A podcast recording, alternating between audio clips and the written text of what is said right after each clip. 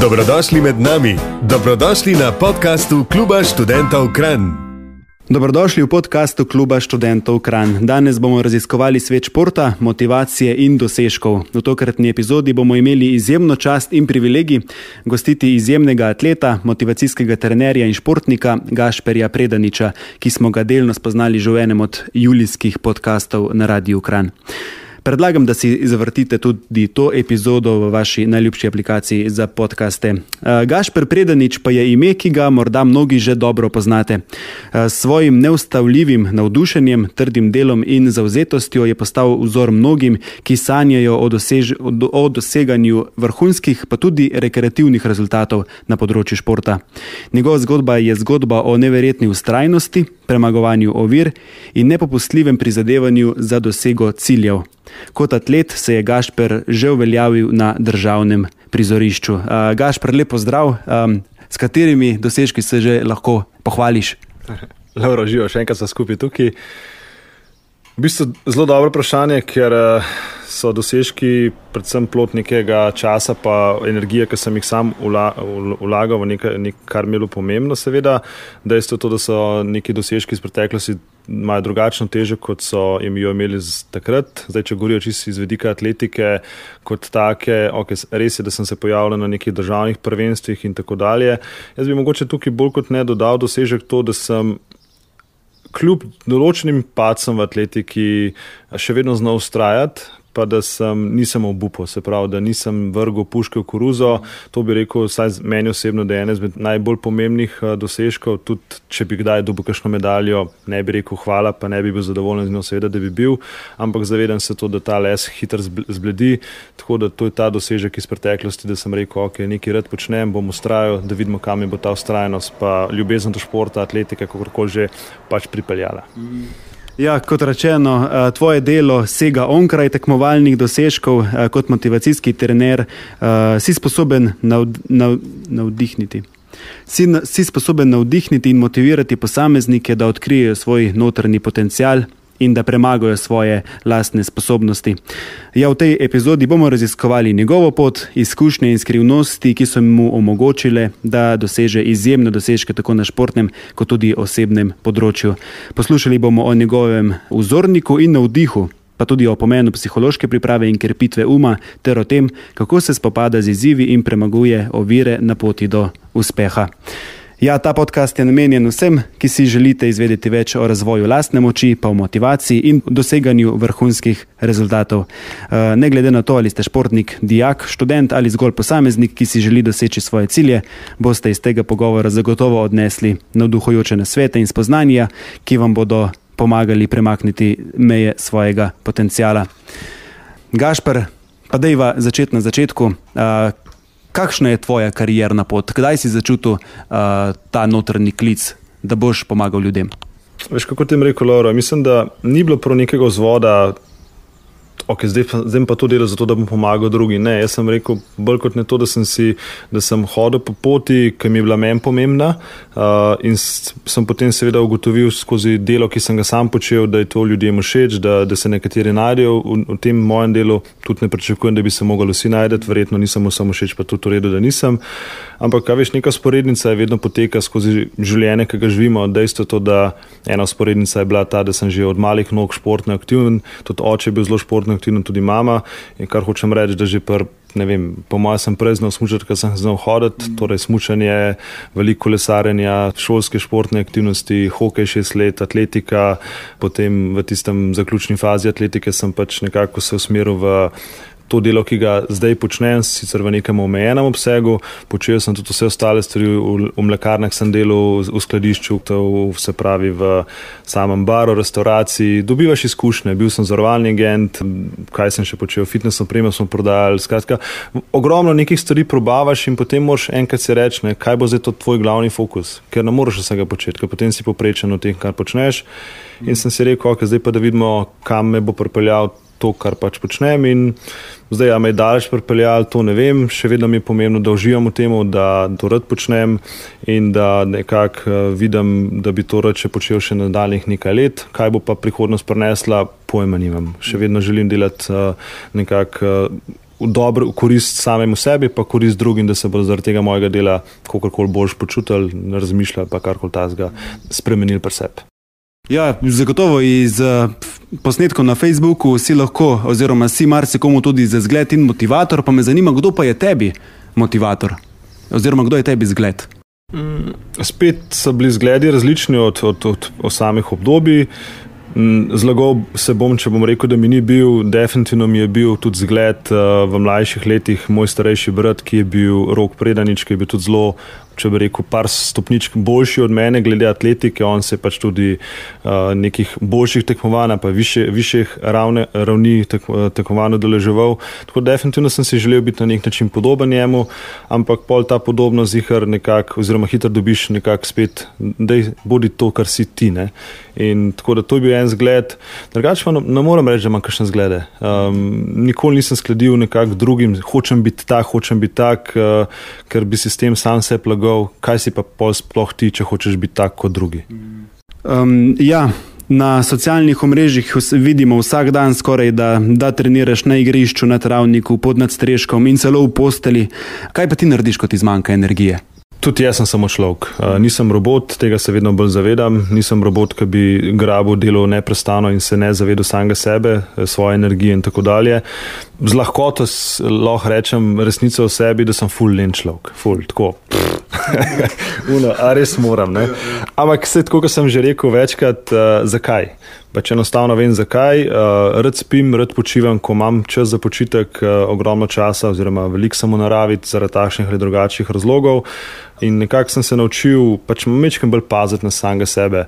Glede na to, da smo moški, moški smo včasih ful preveč trdi do samih seboj, ker hočemo biti neomajni, nikoli ne smemo padati, pokazati svojih čustev, pa pač to je dejansko ni res. Uh, in je treba tudi včasih sam sebi reči, ok, da je malo spremenjen način dela, ki ga počneš, ker ne moreš delati vedno na 3000 obratov v nedogled in se potem začneš malo mal bolj paziti na te stvari. Kar pa ne seveda ne pomeni, da imam še vedno dneve, ki dam all out in sem ven, ker to rabim, ampak malo bolj bom rekel z glavo in zmernostjo počnem stvari zaradi tega, da pač uh, se dobro počutim, pa predvsem zaradi tega, ker tisto tekmovalno željo po nekih rezultatih, ki sem jih želel imeti v atletiki, je nimam več uh, in s tem sem zadovoljen.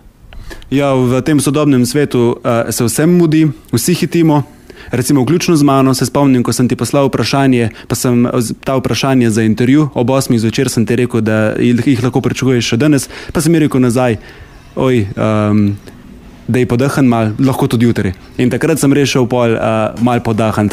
Um, pred televizijo sem se usedel in sem rekel, kdaj sem to na zadnje naredil. Ne vem. Um, zagotovo mora vsak najti nek način, da se ustavi. Uh, imaš kakšen svet, mogoče v rokavu za poslušalce? se mi že smeji. Ja. Uh, imam, valjda, da imam, itek. Uh, en, en pregovor, ki sem ga enkrat sam, mogoče celo nekaj piše, ne vem, ampak sam sem si ga spom, zapomnil oziroma zmislil. Če se ti zelo mudi, naredi vinek, če se ti še bolj mudi, se ostavi pri polžu, pa ga vprašaj, kako si. Tako da, v bistvu, veliko resnice je v tem, ja, ljudje hitimo skozi, od zjutraj do večera po upravkih in največja žalost vsega tega je, da hitimo zelo nezavedno. V bistvu sploh ne vemo, kaj počnemo.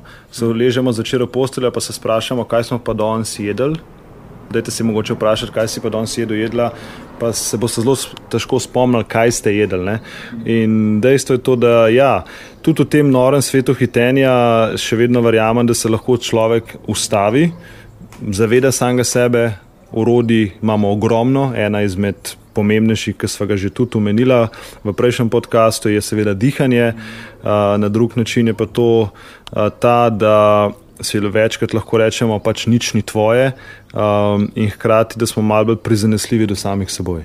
Da pač ok, ne gori voda, če ne moreš ničesar danes tako narediti, nismo ljudje roboti uh, in to, to sporočilo velja za vse. Ne velja to samo za ne vem, neko, uh, bom rekel, neko gospod, ki, ki pospravlja sobe, ali pa za nekega direktora, ki je na vrhu nivoja. Vsi smo samo ljudje in vsi moramo biti malo prizanesljivi in hkrati tudi, bom tako rekel, slišati drug druge. Ljudje se več ne slišimo in zato pač pride do, tak, do takih uh, problemov, ki prehaja in dejansko uh, ne znamo, niti ne upamo več spregovoriti o težavnosti, ki, težavah, ki jih imamo in vsak človek ima svoje težave, ki jih je treba na nek način tudi seveda razčistiti in s takim načinom v bistvu potem tudi človek malo miren postane In če človek miren, ne bo hitev, človek, ki je nemiren, bo hitev. Evo, to, si velja, to, to si velja zapomniti, res je. A, pa morda, če smo bolj konkretni, ja, omenil si dihanje. A imaš mogoče kakšne jutranje ali večerne rutine, ki ti pomagajo uresničiti te želje oziroma te besede, ki si jih pravkar izrekel? Mogoče bi dodal, preden grem spet malo na dihanje, kje sem se še malo dodatno spoznal s tem dihanjem. Zadnjih nekaj let, pet let se ukvarjam z apnejo. Apneja je potapljanje na, na, na vdih, torej na en vdih in to je to. Um, zelo uživamo v apneji. Um, zakaj mi je pa apneja pomembna in zakaj jo rad počnem? Zato, ker ko si enkrat v vodi, ali pa če v svojem lastnem primeru rečem, ko sem enkrat pod vodo, ko naredim en vdih, takrat misli ni takrat sem samo jaz, sam seboj. Druga stvar je ta, da me voda uči uh, ful večje mirnosti samega sebe, tam ni hitenja, čim hočeš neko globino narediti ali pa dolžino v bazenu. Čim boš hitev, čim boš pod stresom, čim boš na silo delo, pač ti voda reče: o, o, stop, postavi se. In uh, zelo veliko straho spoštovanja imam do vode, ker konec koncev vemo zakaj, ker tam pač ne moramo dihati. In vse te aspekte, ki mi jih voda uči, mi dejansko pomaga to, da se znam umirati z dihanjem, razumem, kdaj sem pod stresom, kdaj nisem pod stresom in koliko je pomembno dihanje. Ne? Zdaj, kar se tiče vaj. Vaj je res velik. Um, ena izmed najbolj pomembnih vaj, ki se bom spet navezal na začetni podcast, je zavedanje. Jaz sem lahko zdaj povem tisoč enih vaj, pa si jih zapisujete, pa če, nas, če se ne boste zavedali, kdaj jo rabite, pa če bi en brez veze. Bi tako rekel, mogoče ena izmed normalnih je to, da dihamo več čez usta, pardon, se pravi, čez nos. Pa tudi to, da recimo vem, zvečer pred spanjem, da izklopimo vse aparate, telefon in, in podobne zadeve in, se, in smo mečkaj sami s seboj. Človek v današnjem svetu je zelo, zelo težko sam s seboj, brez vseh motečih dejavnikov. Zakaj? Ker je skozi nafilan za vsemi adrenalinom, za vsemi cilji, za vsemi obveznostmi in beži stran od samega sebe in to je to. Bodi malo več sam s seboj v tišini, v miru, pa če to sam minuta na dan, je boljš kaj nič. Ja, sliši se enostavno. Ne? Sliši se enostavno in tudi je na nek način enostavno, v oklepaju tudi ni enostavno, ker enostavno, ja, ker enostavno, v bistvu, da še, še rima se, ne, oziroma ne vezuje, eh, je težko ker smo skozi tam nekje zunaj samega sebe, ker vse čas mislimo, da rabimo narediti še to, da se bomo počeli še boljši. In potem, ko to naredimo, je to ista stvar, kot odvisnik od droge, ki se reče, rabim ta šus, pa mu je fajn, pa rab še enega, da mu bo fajn. To je ista. Hormonska slika v telesu se pač odziva na isti podoben način in skozi rabimo konstantni puš nečesa novega. Mm. Ker tega puša več ni, ne? kaj pa zdaj? In si človek reče, takrat sem pa prazen. V bistvu nisi prazen, takrat si najbolj poln.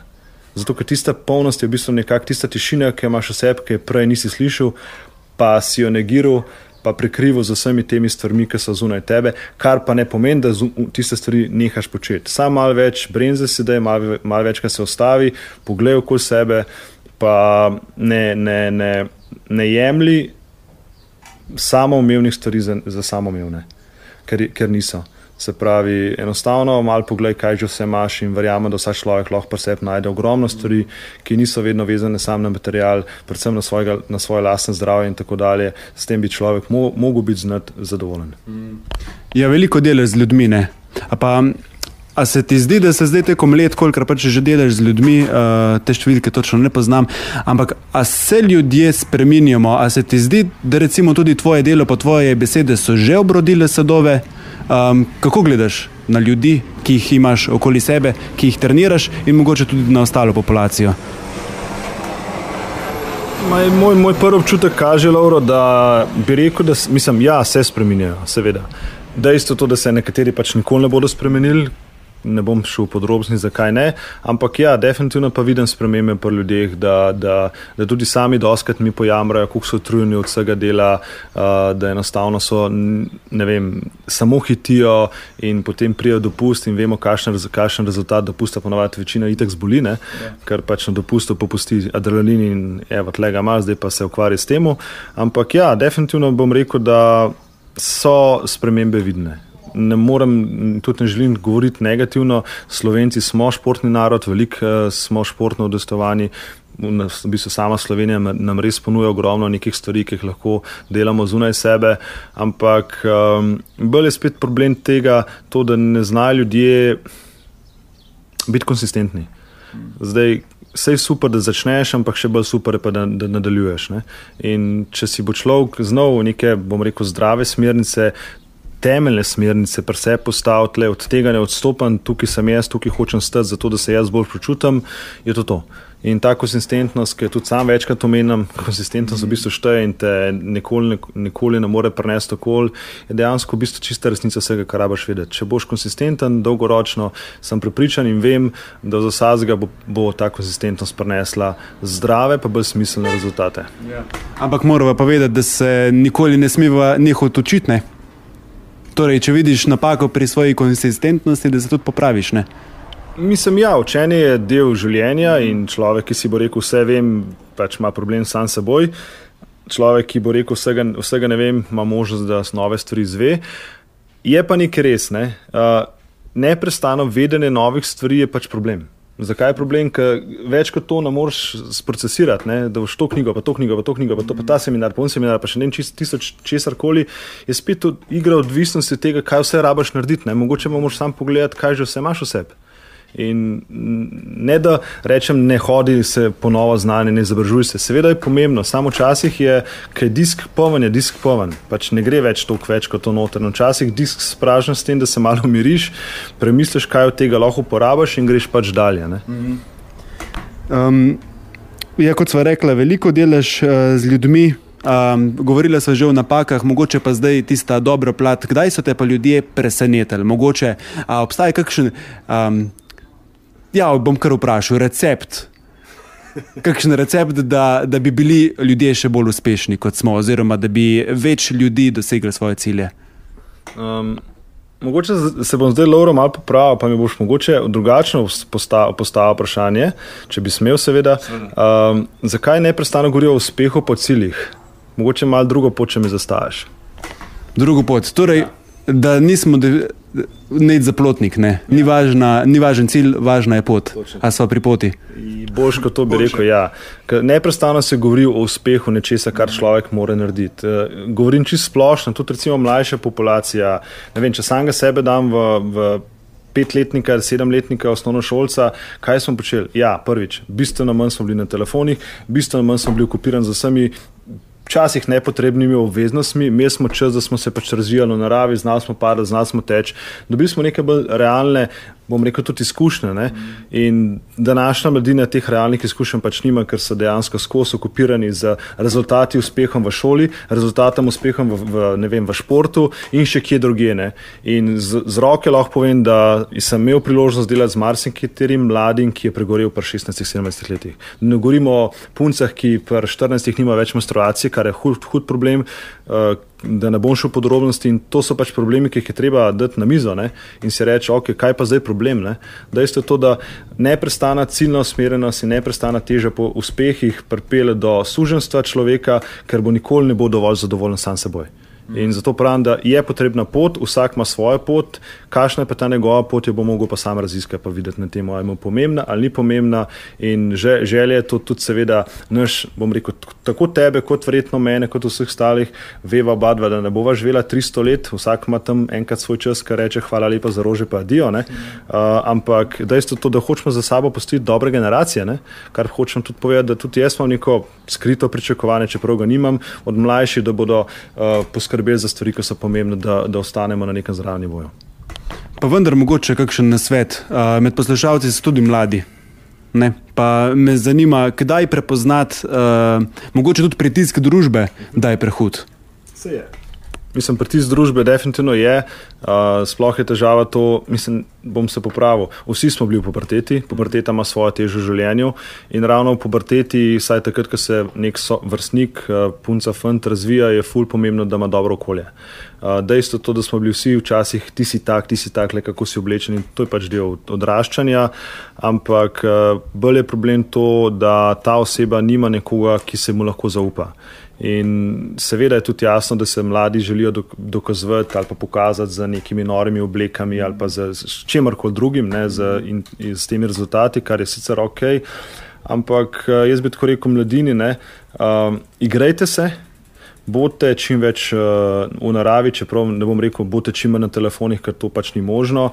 Um, imejte lepe odnose, pa predvsem imejte lepe vrednote. Hvala, prosim, spoštovanje so nekako lepe vrednote vsaj začetka, ki jih nikoli ne pozabite, pa podkrepil bi v bistvu nobena stvar ni samoumevna. In to je to. Ja. Kaj pa mogoče na svet za starše, ki od svojih otrok, potomcev, um, ne vem, želijo ali pa zahtevajo preveč? Kdaj uh, morajo tudi starši reči, oj, sej mogoče imam pa dobre otroke, pa mogoče preveč zahtevam? Fulma dobre teme, v bistvu. Meni glava dela na polno, te pa tudi dobro vprašanje. Uh, kaj bi rekel, mislim, tako je spet, a veš. Zdaj, zahteva staršev do nekih stvari, seveda, mora biti jasno. Ne? Veš, neke stvari mora biti na, na nekem dobrem nivoju, da so lahko dobro narejene. Um, In po drugi strani nastane tudi problem, ker oba dva veva, kakšen starši so okupirani s časom, nimajo časa in potem tudi nima časa, da se z, mlad, z mladino ukvarja, ne s svojimi otroki, kar je v bistvu neodgovorno na nek način, fulažje svojega otroka na tle, imaš telefon, pa mest nekaj drugega počela, namesto da bi se ti tišče z njim ukvarjal. Govorim iz vlastne izkušnje. Moja starša sta se z, mano, pa z rokom, ful ukvarjala uh, in temu primerno je to dober rezultat tega vam prišel. Um, Bote prizanesljivi do njih, predvsem to. Bote, skušajte jih razumeti, ne jih za vsako stvar kregati, postavite jim neke omejitve, ki so, ki so zdrave omejitve. Če daj naredijo napako, ne jo naredijo, uh, predvsem pa dovolite to, da boste kot starši na, ne, na eni strani oče, na drugi strani mama. Vloga očeta je to, da sinu ščirki daje trdnost, vloga matere je, da daje ljubezen. To mora biti vedno povezano. Razumem to, da so ločene družine, seveda, ampak uh, stvar je to, da s takim načinom v bistvu dajemo, v bistvu vzgajamo zdrava, funkcionalna bitja v prihodnost. Mm. Kakšna pa je potem še vloga šole, če bi bil ti minister za vzgojo in izobraževanje? Kaj bi spremenil v tem šolskem sistemu? A se ti zdi, da je športa dovolj? Fuh, zdaj se mi je postavil tja, kam mogoče nočem biti, ampak kaj da demo reči. če bom minister, nikoli nam minister, ne. Tudi nikoli ne gremo v politiko, ampak. Um, jaz bi rekel tako, da verjetno imajo dovolj športnih aktivnosti. Problem, ki nastaja pri mladostnikih, je tudi to, da ti športno zgoni eh, karton, ki smo ga vsi počeli, je na nekem podnivoju, daleč od tistega, kar bi se mogli pričakovati. In to pač nastane problem. Zakaj je problem? Zato, ker človek ima dve roki, dve nogi, glavo, eh, svoj telo, mišice, vse vezi in tako dalje, pač mora biti funkcionalno uporaben. In že to je problem, ker pri mladostnikih vidimo težave. In se postavlja vprašanje, kako bo ta mladostnik lahko z nekimi problemi shendlo v prihodnost, kakšno bo njegovo zdravje. Tak mladostnik ima lahko težave z srčno-življenjimi boleznimi že pri 30-40 letih in je spet zdravstveni sistem problematičen. Mm. Ampak zdaj, če govorimo o samem šolskem sistemu, moj prvi občutek, ki ga imam, je, da vsega preveč. Mm. Uh, ogromno stvari imajo, ki so. Po mojih izkušnjah, pa nimam otrok, da ne bom zarekel, ampak isto, istega mnenja bom tudi takrat, da so nepotrebne. Um, mogoče bi bilo treba dodati uh, tudi malo več praktičnih načinov, ne samo dudljanja, pa učenja, pa ne vem, če se to mora znati, kako piše, drugače boš dobil šut, ne, mm. kaj life ne piše tako. Šlo, mislim, življenje nimaš knjiga pravil, tako nared, tako nared, tako nared, pa bo to pač ga ni. Ker če boš škodilo si robot in bo zelo hitro ugotovil, da daleč ne prideš. Tako da več realnih, uh, praktičnih izkušenj, pa bo življenje lepše. No. To je to, čim več prakse. Um, zdaj pa, če imamo poslušalci, če so odrasli ljudje ali pa mogoče tudi mladostniki, ki pa pač že imajo, uh, kako bi rekel, uh, možgane inštalirane na uh, 30-40 letnika, mogoče kako jih. S čim jih motivirati? Imaš mogoče v rokavu uh, kakšen nasvet, kako bi starši uh, na tak simpatičen, inteligenten, modern način uh, prepričali svoje otroke in najstnike, da bi se čim, bolj, uh, čim več športali. Ker vemo, vsi govorijo, da je pač treba se gibati, uh, da je to dobro za zdravje in bla, bla, bla. Ampak mogoče imaš iz svojih izkušenj kakšen nasvet, ki pa je zares palil, kakšen dober um, način, kako prepričati otroke in mlade k gibanju. Omenil si starše, Laura, ja. omenil si starše. Starši so lahko dober ali pa slab zgled. In starši, ki nimajo časa po športni aktivnosti, starši, ki se ne želijo ukvarjati z športno aktivnostjo, starši, ki uh, hi, živijo od hitre prehrane, starši, ki živijo od uh, neprestanega stresa, kakšen zgled bo svojemu sinu, črki. Ja, ne bo dober zgled. Ne? In zdaj ta starš, ki ima ta, ta zgled, bom rekel, nima niti pravice svojim otrokom govoriti, zdaj pa se ti gibi, če se jaz ne. ne? Ker to je ista scena, kot pri meni, sem trener, kot koli športnik in bi, bi, bi, bi tle pil pivo s čipsom, bi se basal, vam bi pa govoril, da je te malo zdravo prehraniti, kakšen zgled bi dal. Najboljši zgled je, ko postaneš sam zgled samemu sebi. In tak starš, ki pač to ima, bo tudi na svojega sina, ščirko znal prenesti dobre vrednote ali pa do, dobro ogledal nečesa, ne? ker konec koncev še, še vedno vemo, sin, ščirka, oče, mama, to je pač en krok sklenjen, ki je in tukaj se pač, naj, ko se otrok razvija, ima več ali manj tam. Ne? Seveda so tudi druge stvari ali pa drugo okolje, šola in mm. sovrstniki in tako dalje. Hitro se zgodi, da nek mladostnik hitro zavije s poti, pa gre v ne vem, kakšne druge stvari, ki niso najbolj zdrave, kako koli. Mm. In to je to. Tako da starši so tisti, ki so lahko svojim otrokom v prvi vrsti najbolj pomemben zgled. V bistvu je zelo simpel odgovor. V bistvu je zelo simpel odgovor. In, dragi starši, pogledajte malo, kakšen zgled ste otrokom in to naj bom tudi vam ogledala, da boste presepke spremenili, pa bi se boste rekli, na mestu, da prijete zvečer ob 9, 7 domov, pa pred televizijo, pa otrok doma, pejte z njim na sprehod, vprašajte ga, kako, kako si bil objem tega, uh, bodite mu podpor, uh, pa boste s tem najboljšo vezo naredili, pa stik, ki ga otrok rab. Ja, sicer smo tudi že v radijskem podkastu omenili sedenje, pa da je zdaj še enkrat boljše, mogoče dvakrat slišati. Um, v času študija in izpitov mladi veliko sedimo. Uh, kaj priporočate takrat, poleg tega, da si najprej ogledamo uh, filmček na YouTubu?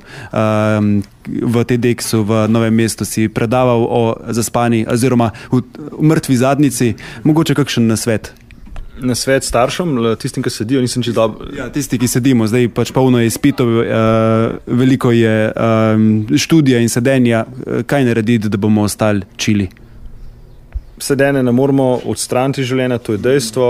Jaz bi še vedno rekel, da če je sedenje samo en del tega ostalega, kar nekdo pač počne, je boljši kot pa da je samo sedenje vsega, del vsega tega. Tako da jaz bi rekel tistim, ki so zdaj recimo v študijskih letah, oziroma študenti, dijaki, osnovnošolci, kakorkoli, bote še vedno na zraku, v naravi.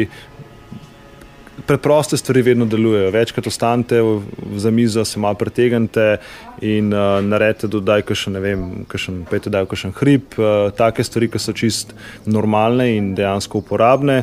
In po mojem, da je to to. Pa podkrepil bi spet, zavedi se tega, da je treba večkrat ostati, malo se, mal se zdihi, spi kozarc vode, ne pozabi tudi na nekako uravnoteženo prehrano, ne bom rekel zdravo prehrano, ampak bolj kot nekaj zdrava je pač spet na tek, ne? ampak uh, jaz bi rekel neko uravnoteženo prehrano, da ti pač daje to, kar telo potrebuje za to, da dobro funkcionira. Ampak recimo, ko nekdo reče, poslušaj svoje telo, telo ve, kaj uh, rabimo, a ni to tudi malo boljšit? A nismo svojim, uh, mogoče s svojimi prehranskimi navadami že malo telo uh, vrgli stira ali pač ne. Kakšno je tvoje mnenje? Dobro si rekel, v bistvu je na nek način boljši, zato ker človek, kako bo, kako bo človek, ki je vse čas izven samega sebe, slišal samega sebe. Težko. Uh, spet je stvar zelo preprosta, da pri prehrani je problem to, da nam je vse na dosegu roke. Um, pač jo imaš kjerkoli, jo pač imaš. Ne? In je v bistvu, ker nam je na dosegu roke, lahko pač zbiramo med tisočimi stvarmi, ki so pač tam na tistem momentu. In je zato tukaj toliko teži zbrati tisto, kar je pa mogoče malo bolj ok. Ne? Jaz bi tako iz svojih lastnih izkušenj rekel, uh, da tista malo bolj polno, polna, uravnotežena prehrana je v veliki večini primerov, jaz nisem dober kuhar, ampak da ima tako reči, ne, je bistveno manj okusna kot neka sladica, pa, pa hitra prehrana, seveda pa burgeri, pa to in to. Ne, pa, ampak še vedno probite gledati na to, da imate recimo 60-70% uravnotežene prehrane, ostalih 40% pa tudi, če daj kaj tazga poješ, ni, ni, ni smrt smrtno nevarno, pa slabo. Ne? Uh, pod pogojem tega, da se je pač treba zavedati, da človeško telo je energetsko telo, se pravi, energija noter in energija ven. Človek, ki neprestano samo sedi, človek, ki ima ogromno stresa, človek, ki neprestano je tako hitro prehrano, pač ne dela za svoje telo popolnoma nič dobrega. Človek, ki se zaveda ostale nasprotne strani, gibanja, pitja vode, spanja, uravnotežene prehrane, bo na dolgi rok definitivno več koristi imel pa niti ne koristi, kot pa uh, vsega tega, kar ti lahko ta način, v bistvu, tako rekel, v celem spektru doda k tvojemu telesu. In tudi starost bo morda lepša in boljša, ne? Mislim, ja, definitivno starost bo lahko lepša in boljša, seveda, ne, zakaj. Ker tudi takrat, ko smo stari, smo pač starejši, da imamo tako reči, pač malo začneš umirjati, že začneš v bistvu uživati v tem, kar si dosegel ali pa kako koli že. In ja, pika ne je vsega tega, da vsak dan smo si en dan starejši, tega ne moreš eh, niti um, zakriti oziroma ustaviti, lahko zakriješ z nekimi kremicami, pa z nekimi hitrimi dietami, pa z vsemi temi stvarmi, ki so po mojem mnenju totalno nepotrebne. Ne? In tudi neka starost ima v bistvu ful lepo zadevo, ker je takšna, kakršna je. Uh, ja, bližava se koncu današnjega podcasta, vendar bi rad še uh, spregovoril eno o odmoru kaj je kvaliteten odmor, ali je scrollanje po telefonu eh, dober odmor. Kvaliteten odmor, če govorijo zdaj recimo nekoga, osnovnošolca, študenta, dijaka, mamice, očeta v službi, pa da gre na telefon, verjetno ni najbolj kvaliteten odmor. Uh, takrat je najbolj spet odvisno, za koga ciljeva. Ne? Ampak ja, definitivno probaš takrat se odmakniti od nekih aparatur, uh, delati osnovne stvari, kaj so. Zavedi se svojega dihanja, spet sva pri dihanju, spi malo vode, um, malo opazuj okoli sebe, ali pa se konec koncev rajš kot ne. Še bolj priporočam to, da, da če se potem družiš z nekimi sovrstniki ali pa sodelavci, da se pogovarjate, ne? konec koncev pogovor je del nas, nas vseh samih, če si na telefonu se pač pogovarja z neko črno aparaturo, ki piše neka blagovna znamka, gor, ki pač je kakršna je. In, in to je to. In glavni problem, recimo, telefona je tudi ta, kar tudi samo pažam, je totalno. Preveč informacij gor. A viš, sam skrolaš gor, skrolaš gor in, in to, kaj ti dodaja vrednost, to mi ni kul, cool, to mi ni kul, cool, to mi je kul, cool, to je kul. Cool. Možgani ne funkcionirajo tako hitro, tako hitrega prenosa informacij, kot je. Ne? In da je telefon stran, pogovarj se, vpraši, um, pa boš naredil veliko več koristi.